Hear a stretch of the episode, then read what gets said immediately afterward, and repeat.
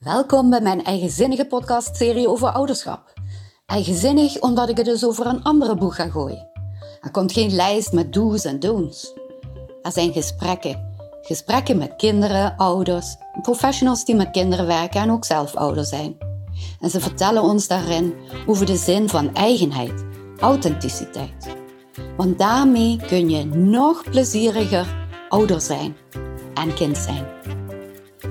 Bevestiging, herkenning, verveling, irritatie of inspiratie.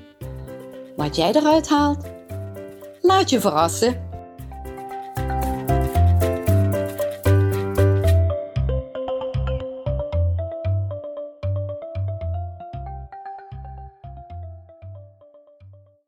Hi, voorafgaand aan het verhaal in mijn 24e aflevering wil ik nog eventjes iets corrigeren. Ik heb het sinds september van dit jaar over lichamelijke onbegrepen klachten, of terwijl SOLK genoemd de laatste tien jaar, somatisch onvoldoende lichamelijk verklaarbare klachten. Deze term is veranderd in ALK, aanhoudende lichamelijke klachten. Want dat is wat het is en doet geen uitspraak over oorzaak nog behandeling. Want deze alle klachten blijken te vragen en te schreeuwen bijna om maatwerk, zowel door een arts als een complementair behandelaar of een psycholoog. Alle drie zijn ze belangrijk. Of dat voor jou of voor je kind ook belangrijk is, dat ligt er gewoon aan.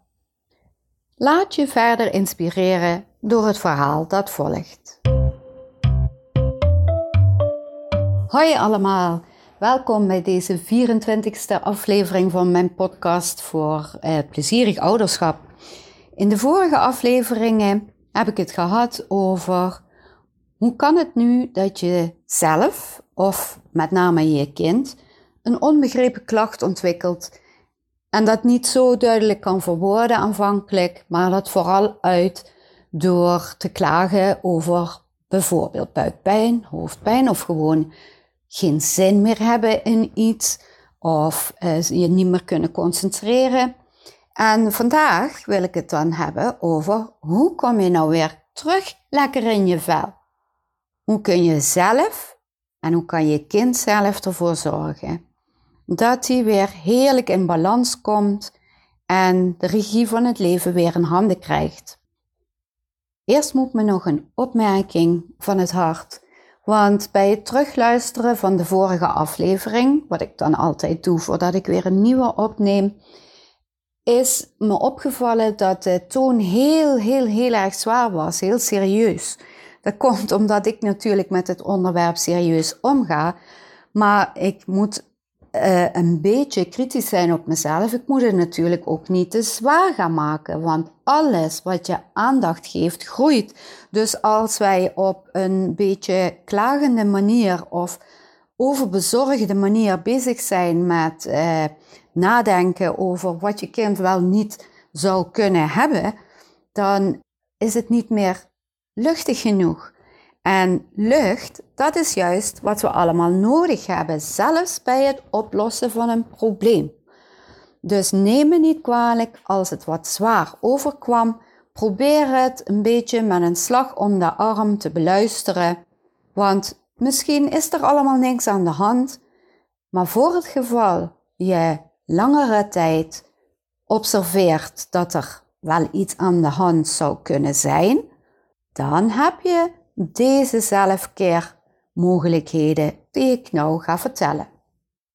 Het is al gebleken uit uh, het behandelen van het onderwerp dat bijvoorbeeld uh, oude pijn, het hoeft niet per se een heel groot trauma te zijn, het kunnen dus ook die hele kleine dingetjes zijn, hè, zoals uh, kinderen die vervelende opmerkingen maken over je uiterlijk, of opmerkingen vanuit jullie kant als ouder, die door een kind anders opgevat worden dan dat jij het bedoelt, of wat meningsverschillen die in dwars zitten, zorgen maken over verschillende onderwerpen waar je geen weet van hebt.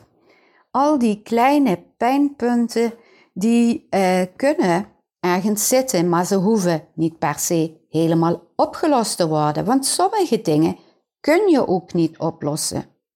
Wat gebeurd is, is gebeurd.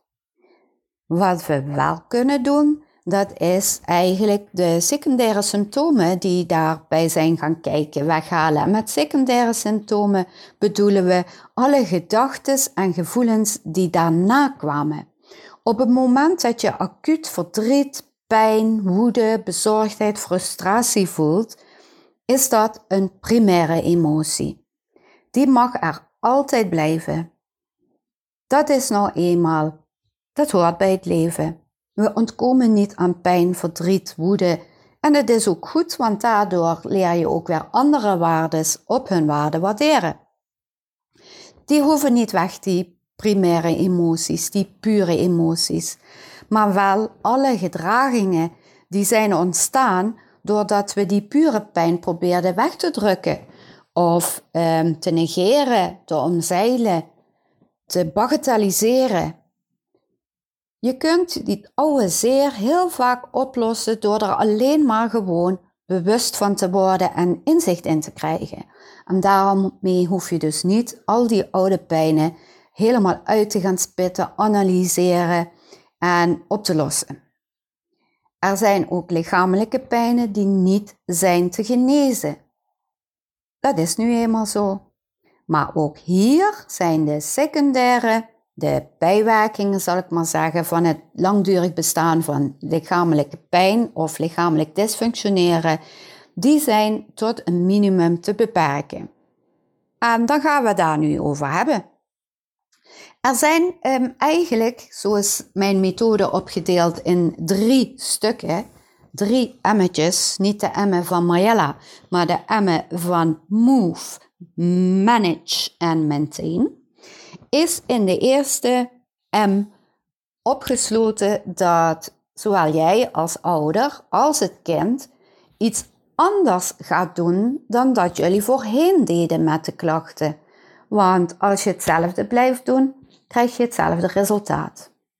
Het is niet altijd zeker dat dit wat je anders gaat doen meteen een oplossing biedt.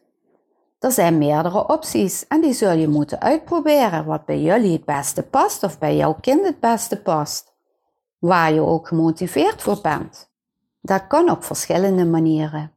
Maar de punten waarom het, waar het belangrijk is aan te denken bij die eerste fase, het in actie komen met nieuwe maatregelen, geldt natuurlijk op de eerste plaats voor nog eens bekijken of je goed voor jezelf zorgt of het kind goed voor zichzelf zorgt.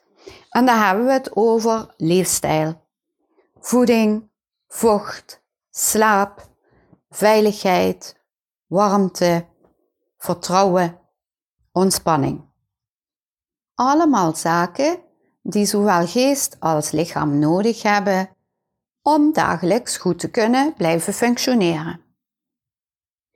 Zijn er pijnpunten op een dag dan noem ik pijn even tussen aanhalingstekens, want ik bedoel geen lichamelijke pijn, maar punten waar je eventjes bij hebt geslikt, of die zelfs echt zeer deden, of je boos maakte, of heel verdrietig. Als je die nou opschrijft, of als je kind bent laat tekenen, dan zijn ze eigenlijk meteen al naar de oppervlakte gekomen. Dan zijn ze uit je lijf. En dan gaan ze daar, naar alle waarschijnlijkheid, niet zitten rotten en een eigen leven leiden. Je kunt ook zorgen dat je gaat lezen over mind-body processen. En dat kan op allerlei niveaus. Je hebt voor ouders of volwassenen in ieder geval een heleboel literatuur. En die literatuur heb ik vorige keer ook al eens genoemd. Het gaat vooral over ehm, als je in het Nederlands tenminste wil lezen, literatuur over Oosterse geneeswijze, over uh, literatuur van Judith Kokke, Je bent je eigen medicijn, boeken van Richard de Let, boek van Weg van de Pijn.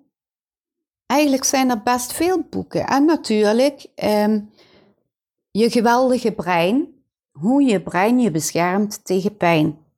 Dat is een boek geschikt voor ouders en kinderen. En dan zijn er vertalingen van Amerikaanse methoden die eerst in het eerste deel van hun boeken vaak uitleggen hoe de mind-body processen eigenlijk verstoord kunnen raken, hoe ze eerst normaal werken en welke processen er spelen wanneer die uit balans raakt. Dus lezen, inzicht krijgen in, is super belangrijk. En soms is het zelfs al zo dat wanneer je echt goed weet hoe het in elkaar zit, de pijn eigenlijk al zich minder gaat melden, omdat die naar de oppervlakte is gebracht. Je weet nu dat die pijn niet opgelost gaat worden door pijnstillers te slikken. Daarmee wil nog niet zeggen dat de omstandigheden die die pijn veroorzaakten, zoals ik het al in het begin zei, ook zijn opgelost, want dat kan niet meer altijd. We hebben het eigenlijk ook een beetje over uh, gelukshormoontjes. Gelukshormoontjes die je elke dag kunt opzoeken door bijvoorbeeld um, vijf, een lijstje van vijf leuke dingen te maken die je per dag kunt doen. Kleine dingen, hè? Je kunt natuurlijk niet elke dag op vakantie en je kunt ook niet elke dag de hele dag ergens naartoe gaan. Gewoon kleine dingetjes die je bijna elke dag zou kunnen doen waar jij of je kind plezier aan heeft. Zoiets als bijvoorbeeld eh, samen wandelen met de hond na het eten, voor het eten, of lekker een half uurtje een aflevering van Netflix kijken op een moment dat je normaal niet kijkt. Kleine cadeautjes voor jezelf. Jezelf beloont met een heerlijk bad, met geurtjes of rust. In de natuur zijn, sporten, met andere mensen heerlijk plezier maken Samen koken, samen eten, lachen. Allemaal dingen waar je plezier van kan krijgen. Tekenen, muziek maken. Daar krijg je geluksmomentjes van.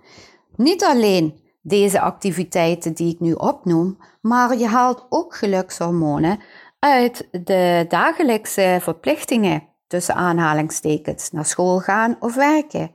Wanneer jij je taken wanneer je tevreden bent over wat je hebt gedaan, dan is dat ook weer een heel fijn gevoel. En die fijne gevoelens, die laten we de overhand krijgen. Natuurlijk, er zijn altijd wel een paar tegenvallers. Maar wanneer je, daar hebben we het dadelijk bij punt 2 over, de tweede M, de M van manage, leert managen hoe je met tegenvallers om kunt gaan, dan is dat helemaal geen reden meer voor ernstige zorg. Wil niet zeggen dat je je niet meer ergert of gefrustreerd of boos of verdrietig voelt. Dat zijn immers de pure emoties. Die mogen er zijn. Je mag ze voelen, weten waardoor ze veroorzaakt worden en denken van, nou, het is zo, ik ben nu boos en ik ben verdrietig wat kan ik dan mee? Heeft het zin om daar nu ad rem op te reageren? Dan moet je even terugdenken aan wat je eigenlijke doel is. Als je op je werk of op school bent, denken van ja, maar ik wil gewoon graag de lessen volgen of ik wil mijn werk afkrijgen.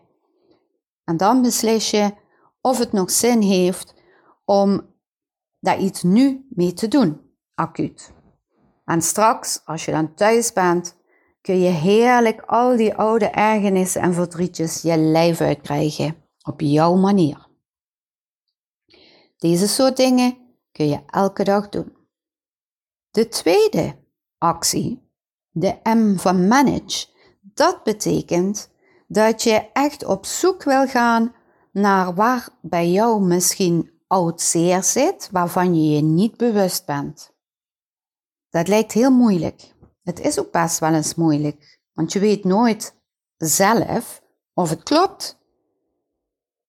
Want als je zelf een bepaalde richting uitdenkt, dan heb je vaak een tunnelvisie. En soms is er dan een buitenstaander nodig die je helpt om je blinde vlekken te zien. Schaam je niet om daar met iemand over te praten. Dat kan uh, je buurvrouw zijn of je partner, vriendin, je moeder of een hulpverlener die je vertrouwt. Het gaat hier dan om op zoek te gaan naar emoties, gedachten en je lijfelijk gevoel in jouw binnenwereld. Het is handig om te leren te voelen wat je lijf je wil zeggen. Elke dag. Dat moet je trainen. Vooral wanneer je iemand bent die heel rationeel is, alles met zijn hoofd kan regelen, denkt je, denk je dan. Daar raakt het contact met het lijf wel eens verloren. En onze ademhaling en onze huid, ons spierenstelsel, die kunnen ons weer leren voelen. Fysiek leren voelen. Voelen wat hard is, wat zacht, wat aangenaam is, wat pijn doet. Wat warm is, wat koud. Wat mag blijven. Heerlijk. En aan de andere kant is het belangrijk om je gedachten, overtuigingen, je mindset zodanig te kunnen hanteren dat jij er wel bij vaart. Natuurlijk mag je best wel negatieve gedachten hebben. Die hoef je niet weg te stoppen en als een soort tovertrucje ze om te zetten in een positieve gedachte. Zo werkt het helaas allemaal niet. Het zijn geen trucjes. Het moet wel echt door jou gedacht kunnen worden en gevoeld kunnen worden, want dat is de voorwaarde daarvan. Anders zijn het maar gewoon taalkundige omdenkers. Is ook een kunst, maar die werkt niet om je emoties te beïnvloeden.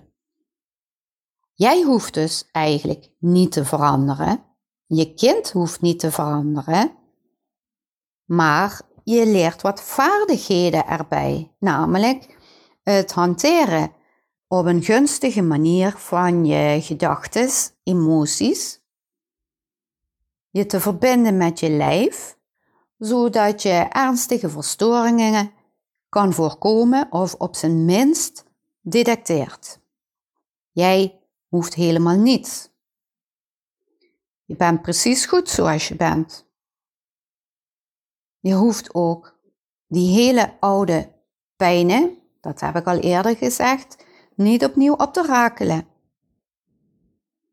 Het is wel handig dat je de emoties die daaromheen hingen nog eens onder ogen neemt. Daar heb je verschillende manieren voor om eh, na te gaan wat er aan de hand is. Hulpverleners hebben daar uh, bijvoorbeeld hypnoseoefeningen voor, die heb ik dan in mijn geval. Maar andere therapeuten met een andere achtergrond, bijvoorbeeld een lichaamsgerichte therapie, die uh, kunnen je door ademoefeningen heen helpen om bij je emoties te komen. Uh, bewegingstherapeuten, door um, flink te bewegen, komt er eindelijk een ja, een vloeiende beweging binnenin je, waardoor de woorden en de geluiden en de tranen en alles vanzelf gaan vloeien. En daar horen weer woorden bij. Hoe je dat helemaal zelf kan doen, dan moet je even zelf nagaan. Dat kan dus bijvoorbeeld door te schrijven. Kan in een dagboek, maar het hoeft niet meteen schrijven of elke dag aan het eind van de dag schrijven. Tekenen. Elke keer opnieuw even nagaan wat je die dag hebt gevoeld, wat je hinderde. En terugdenken aan waar dat gevoel vandaan komt.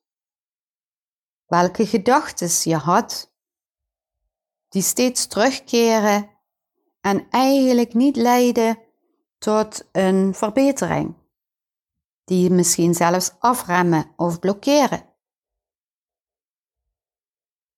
Dat noemen we vaak negatieve gedachten. Die zijn niet negatief omdat ze uh, slecht zijn, maar die zijn negatief omdat ze je spanning of onrust of ongewenst gedrag bezorgen. En je kunt, die hoef je dus niet weg te stoppen, daar hadden we het al over. Je kunt die dus eigenlijk ehm, laten overroelen door andere gedachten te gaan bedenken die je wel wil denken en die je waarschijnlijk helpen om te ontspannen, om iets in onder ogen te durven komen en het zelfs aan te gaan, stap voor stap. Affirmaties bij jezelf te zoeken die passen bij jou, zoals bijvoorbeeld: Ik ben goed zoals ik ben. Ik mag zijn wie ik ben. Ik wil het, ik kan het, ik doe het. Of van proberen kun je leren. Allerlei van die, uh, ja, soms clichéachtig aandoende uitspraken die wel waar zijn. Als je zo kunt voelen als waar. Want anders blijven we hangen in de truc en die werkt niet op de lange termijn. Allemaal vaardigheden die we allemaal kunnen leren. Waardoor je oud zeer niet misschien volledig opruimt, maar wel de emotie eraf haalt, waardoor je heel veel ruimte in je hoofd en je lijf krijgt. Energie bruist los zodra je emoties ontkoppelt van een gebeurtenis. En dan gaat het er natuurlijk ook om dat je deze acties allemaal, een gezonde leefstijl, plus het managen van je eigen binnenwereld uh, weet vol te houden. Eerst even nog naar het managen van de buitenwereld voordat we over die stabilisatiefase praten.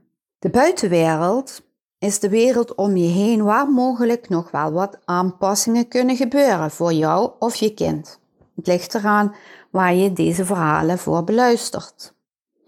Het kan gaan over aanpassingen en lach niet, maar zo simpel kan het zijn over kledingstijl, haardracht, um, bedtijden, schermtijden, eetpatronen, huiswerk, leerstijlen. Zoiets simpels als dat sommige mensen en kinderen dan bijvoorbeeld uit school komen en niet meteen aan hun huiswerk kunnen. En heel vaak hoor ik in mijn praktijk dat ouders meningsverschillen krijgen met hun kinderen over dat ze wel meteen aan het huiswerk moeten, want anders zijn ze niet voor het eten klaar. Ja, maar zo werkt het niet. Ieder mens heeft zijn eigen leerstijl. Daar moet je eerst wat mee experimenteren, dat kan wel eens wat misgaan. Maar uiteindelijk merkt iedereen wel wat bij hem of haar past. Bij mezelf was het bijvoorbeeld zo dat ik eerst even niks moest gaan doen. Luieren in de ogen van mijn moeder. Opladen. Een lekkere kop thee drinken. Even warm worden. Alles even nalopen van die dag. En pas wanneer dat allemaal weer een beetje tot rust was gekomen, dan was ik in staat om te leren of om een boek te lezen of uh, andere taken te doen die mijn moeder van me vroeg. En daar gaat het dus om. Het gaat erom om iets te doen wat bij jou past. En je kind moet dus leren doen iets wat bij hem of haar past. En daar heb jij eigenlijk uh, niet zoveel over te zeggen. Je kunt er wel samen over hebben en daar uh, samen een uh, middenoplossing voor bedenken. Want een aantal Oplossingen zijn natuurlijk niet favoriet. Misschien zegt je kind wil ik wel helemaal niet leren. Nou ja, dan zal er altijd een reden onder zitten waarom hij dat niet wil. En misschien gaat het er ook wel om of die wel op de goede school zit. Het lijkt heel logisch dat je bij de brugklaskeuze kiest voor het goede systeem, maar dat kan wel eens anders blijken te zijn. En dan mag je kind toch zeker aangeven, al is het niet rechtstreeks, dat het toch een beetje zwaar valt. Wat is erop tegen om met plezier naar school te gaan, als dat kan, in plaats van de focus te leggen op het maximale eruit te halen. Dat kan altijd nog. Dat kan iemand zijn hele leven. Het gaat bijvoorbeeld ook over de indeling in je vrije tijd, de agenda-hantering. Als je in vrije uren propvol zit met allerlei uh, geplande activiteiten of misschien zelfs wel verplichte activiteiten, dan is er nergens een tijd waarin je niks hoeft te doen. Of wanneer er nou uh, van buitenaf een uh, vervelend ding komt, dan gooit hij je hele schema in de war. Want je hebt nergens tijd om iets extra's te doen. Voor kinderen bedoel ik bijvoorbeeld, stel voor er komt uh, opeens een, een proefwerk aan.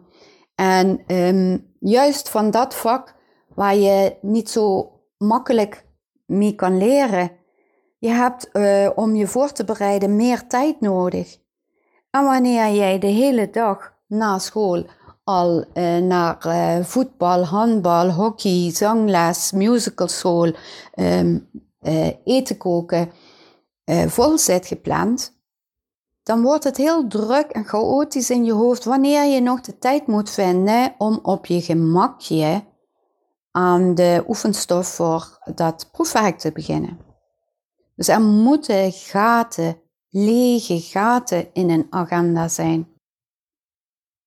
En dat is dus geen luiheid. Soms is het ook zo dat je bijvoorbeeld um, in je gezin bepaalde gezinsactiviteiten hebt waarbij uh, het ene kind wel gedijt en het andere niet. Als in een weekend um, hele leuke familieuitjes of activiteiten op het programma staan, kan dat voor een kind soms net als te veel voelen. Weer iets moeten, weer geprikkeld worden, weer blij kijken, dankbaar zijn. En dat willen ze soms niet. Het is aan jou en je kind om te bepalen hoe je daaruit gaat komen. Daar zijn geen vaste regels voor. Je kind is natuurlijk niet de baas en bepaalt niet compleet alles. Dat hoeft helemaal niet. Je kind loopt er niks van op wanneer hij eens een keer iets moet doen wat jij van hem vraagt. Ga hem in godsnaam niet ontzien. Want dan krijgt hij nooit te maken met tegenslagen, frustraties en nee. Maar respecteer grenzen. En waardeer het ook wanneer een kind al zo vaardig is dat hij zijn eigen grenzen kan aangeven. Daar schieten we soms zelf in tekort. Hoe vaak gebeurt het jou niet dat je ja zegt terwijl je eigenlijk nee bedoelt? Het is heel knap wanneer een kind nee kan zeggen. Als het tenminste ten gunste is van zijn eigen gezondheid of mentale rust. Het gaat ook in de buitenwereld soms om um, conflicten die spelen in een gezin of op school. Daar zul je dan ook eventjes de rol in moeten bepalen die je kind kan gaan innemen. Want er is niet altijd iets te veranderen aan een gezinssituatie, een woonsituatie. Niet elk kind heeft een eigen kamer. Niet elk kind kan op clubjes gaan om daar zijn energie in uh, kwijt te komen. Niet elk kind is in staat om zichzelf bezig te houden. Niet elk kind is gezond. En niet elk kind is in staat om te begrijpen in welke situatie jij of jullie je als ouders bevindt. Dat hoeft ook niet. Daarvoor ben je kind. Het is wel jouw taak als ouder om te zien in welke mate je kind daarin mee kan en wat je misschien nog kunt doen om dat te faciliteren. Zo zijn er dus uh, hele kleine dingetjes mogelijk om bijvoorbeeld als het om een eigen ruimte gaat, zoveel mogelijk mee te denken met een kind. Geef het een eigen hoekje dan in de woonkamer of uh, in de gedeelde slaapkamer. Laat hem of haar zich terugtrekken zonder dat hij uh, het nodig heeft om dat met een grote mond te doen. Geef daar de mogelijkheid voor en kom dan niet zonder kloppen binnen. Verzin een systeem waardoor hij zonder woorden aan kan geven dat hij even zich terug wil trekken. En vertrouw er ook op dat hij dan geen rottigheid is aan het bedenken of uh, wat er dan ook in jouw hoofd mag spelen. Want dat zijn jouw aannames. Ieder mens heeft het nodig om eigen tijd te hebben en niet iemand constant in je nek te voelen hijgen. Al bedoelen wij het goed, geef ze ruimte. Maar blijf er wel naast staan en kijk. Kijk wat er gebeurt. De derde actie is de M van maintain dat zijn um, eigenlijk de maatregelen die je gaat nemen om op de lange termijn ook lekker in het veld te blijven. Jij, je kind, allemaal. Maar je hebt natuurlijk alleen maar de verantwoording voor jezelf en je kind voor zijn eigen lijf. Maar er zijn natuurlijk wel wat hulpmiddelen om dat allemaal samen te doen of ieder apart. Daar mogen ze zelf over beslissen.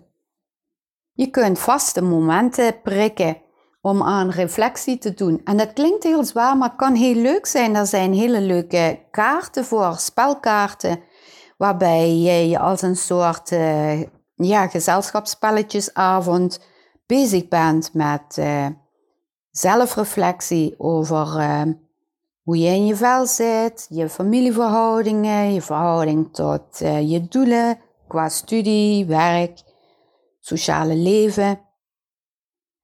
Of ehm, wat je denkt, filosofische vragen over de dood, het milieu, de wereld in de toekomst. Dat is niet zwaar. Dat kan heel leuk zijn. En zo blijf je toch een beetje op de hoogte van elkaars ideeën. En het wordt bespreekbaar gemaakt, waardoor je een uitgang, een ingang eigenlijk biedt aan je kind om daar op een ander moment op terug te komen wanneer er iets hapert. Er zijn natuurlijk eh, hele leuke mindfulness oefeningen, heel belangrijk om regelmatig te doen als je daarvan houdt. Je kunt voor uh, beweging kiezen. Werkt altijd. Zeker wanneer je dat koppelt aan buiten zijn. Je kunt uh, regelmatig um, eventjes checken aan je lijf of alles nog luistert naar wat er op dat moment nodig is. Of je ergens geblokkeerd door raakt. Je kunt het zelfs agenderen. Als je bang bent om het te vergeten en misschien dan toch uiteindelijk door een lichamelijke klacht pas weer erachter te komen dat je slecht op jezelf hebt gelet. En wanneer dat mocht gebeuren, is er niks aan de hand. Want bij een probleem zien we dat niet als een probleem, maar de uitdaging om opnieuw die drie stappen te doorlopen. Dus kom in actie met iets anders of iets wat je hebt nagelaten per ongeluk. Zorg dat je even nadenkt hoe je het probleem tackelt of in ieder geval omgaat met het probleem zoals dat niet te verhelpen is. En neem je weer opnieuw voor om dat ook vol te houden op de lange termijn. Je kunt daar ook uh, bijvoorbeeld zo'n hulpmiddel als een moodboard voor gebruiken. Het klinkt uh, een beetje alsof je iets gaat designen, net zoals wanneer je een nieuwe website wil of een huisstijl of een inrichting van je keuken of je woonkamer. Maar dit gaat over het verzamelen van plaatjes van onderwerpen die voor jou in jouw leven belangrijk zijn. Die kunnen uh, komen doordat je ze uitprint van, uh, vanaf je laptop of je computer. Of die kunnen uit een tijdschrift, een oud tijdschrift gescheurd worden. Je kunt ze tekenen. En op een A4'tje of een magneetbord of een uh, whiteboard of een uh, stuk hard karton verzamel jij allemaal kleine afbeeldingen van de zaken die jou goed doen. In mijn moodboard staan bijvoorbeeld eh, zaken als, ehm, en het staat dan niet letterlijk verbeeld, maar een plaatje dat daarover gaat, van regelmatig even lekker door het bos, zorgen voor goed eten, slapen, warmte. En daar heb ik dan een plaatje bij van een prachtige open haard. En bij eten heb ik gewoon een afbeelding van mijn lievelingsgerecht. Bij zorgen voor balans heb ik een skateboard gepakt. Iemand die op zo'n skateboard staat te wiebelen. Ik heb bijvoorbeeld zo'n hinkelbaan plaatje gebruikt om aan te geven dat niet alles in één keer perfect hoeft te zijn. Het hoeft zelfs nooit perfect te worden wanneer je maar stap voor stap dichter bij je doel kunt komen. Ik vind het heerlijk om uh, te mediteren. Niet per se om mijn hoofd leeg te maken, maar wel om hoofd en lijf te ontspannen en dan vervolgens gewoon aan iets moois te denken. Je hoeft je niet te houden aan de meditaties zoals die beleden worden door Tibetaanse monniken. Dat kun je zelf bepalen. En ook de momenten waarop je alles doet om jezelf op de rit te houden. Zo heb je bijvoorbeeld ochtend- en avondritueeltjes die je zelf, uh, kunt, bij, ja, zelf kunt samenstellen. Er is niet per se goed of slecht, maar iets waar je behoefte aan hebt. Ik heb een ochtendritueeltje van vijf minuten en wanneer ik dat doe, dan um, voel ik me gewoon helemaal klaar om de dag te beginnen. Positief, wat er ook op programma staat die dag. En ik neem me dan ook voor dat wat er in die dag ook mag gebeuren aan uh, emoties, tegenvallers, triggers, dat ik dan op dat moment even rustig uitadem, misschien wel drie keer uitadem. Kan zelfs nog een kop thee of kop koffie erbij pakken of een stukje lopen. Alles weer even laat bezinken en wanneer ik niet onmiddellijk kan handelen naar wat ik zou willen doen, dan schrijf ik het op zodat ik het op een latere termijn kan gaan uitvoeren. En dat mijn gedachten niet blijven cirkelen in steeds kleiner wordende kringetjes, zodat ik er onzeker of chaotisch of zelfs gek van word. In dat ritueeltje zitten gewoon simpele dingen als van een, uh, ja, een, een mooie uitspraak van ik ben goed wie ik ben. Ik voel mezelf gezond, fit, energie. Ik kan deze dag tot een mooie dag maken.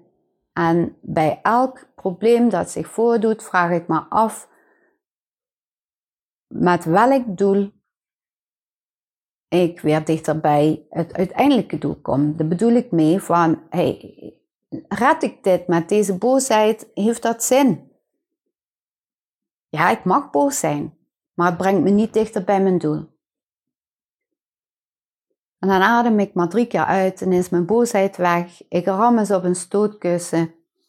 Of uh, ik loop eens even keihard. En dan is de primaire emotie gevoeld. Want een primaire emotie die duurt maar maximaal twee minuten. Nou, dat kun je makkelijk aan, als je durft. Alle reacties om die pure emoties weg te drukken kosten veel meer tijd en hebben veel meer impact. Dus laat die in godsnaam in de toekomst weg. Er staat ook in mijn dagelijks ritueeltje, mijn ochtend- en avondritueel, zoiets als van Visualiseer je doel. Het doel van die dag of het doel wat je hebt om op langere termijn te bereiken. Daar bedoel ik niet mee van um, ik wil mijn uh, dure rode auto kunnen kopen, maar bijvoorbeeld een doel als van ik wil um, met een gezond lijf en een ontspannen hoofd wil ik uh, mijn werk afkrijgen en daarna genieten van de leuke dingen die ik op mijn lijstje heb staan. Of misschien nog een hoger doel. Dat is dan eigenlijk meer een soort zingeving.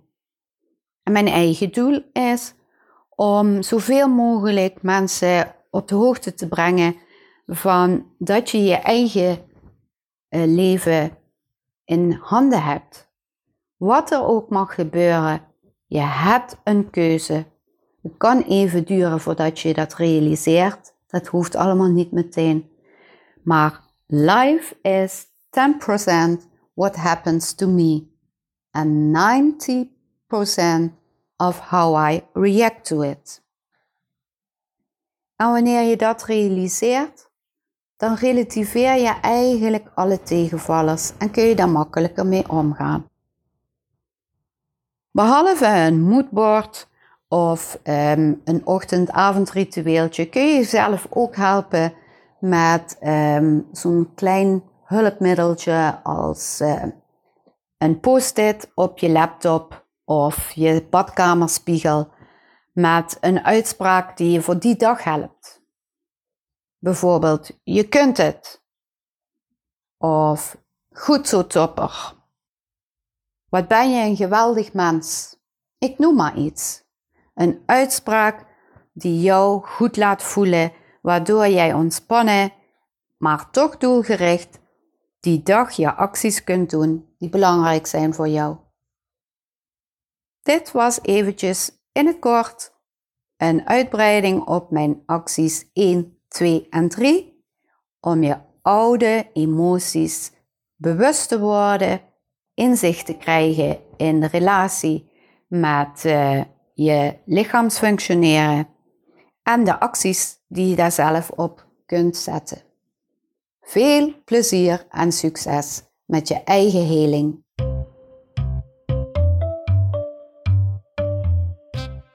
Superleuk! En dankjewel dat je luisterde naar deze aflevering.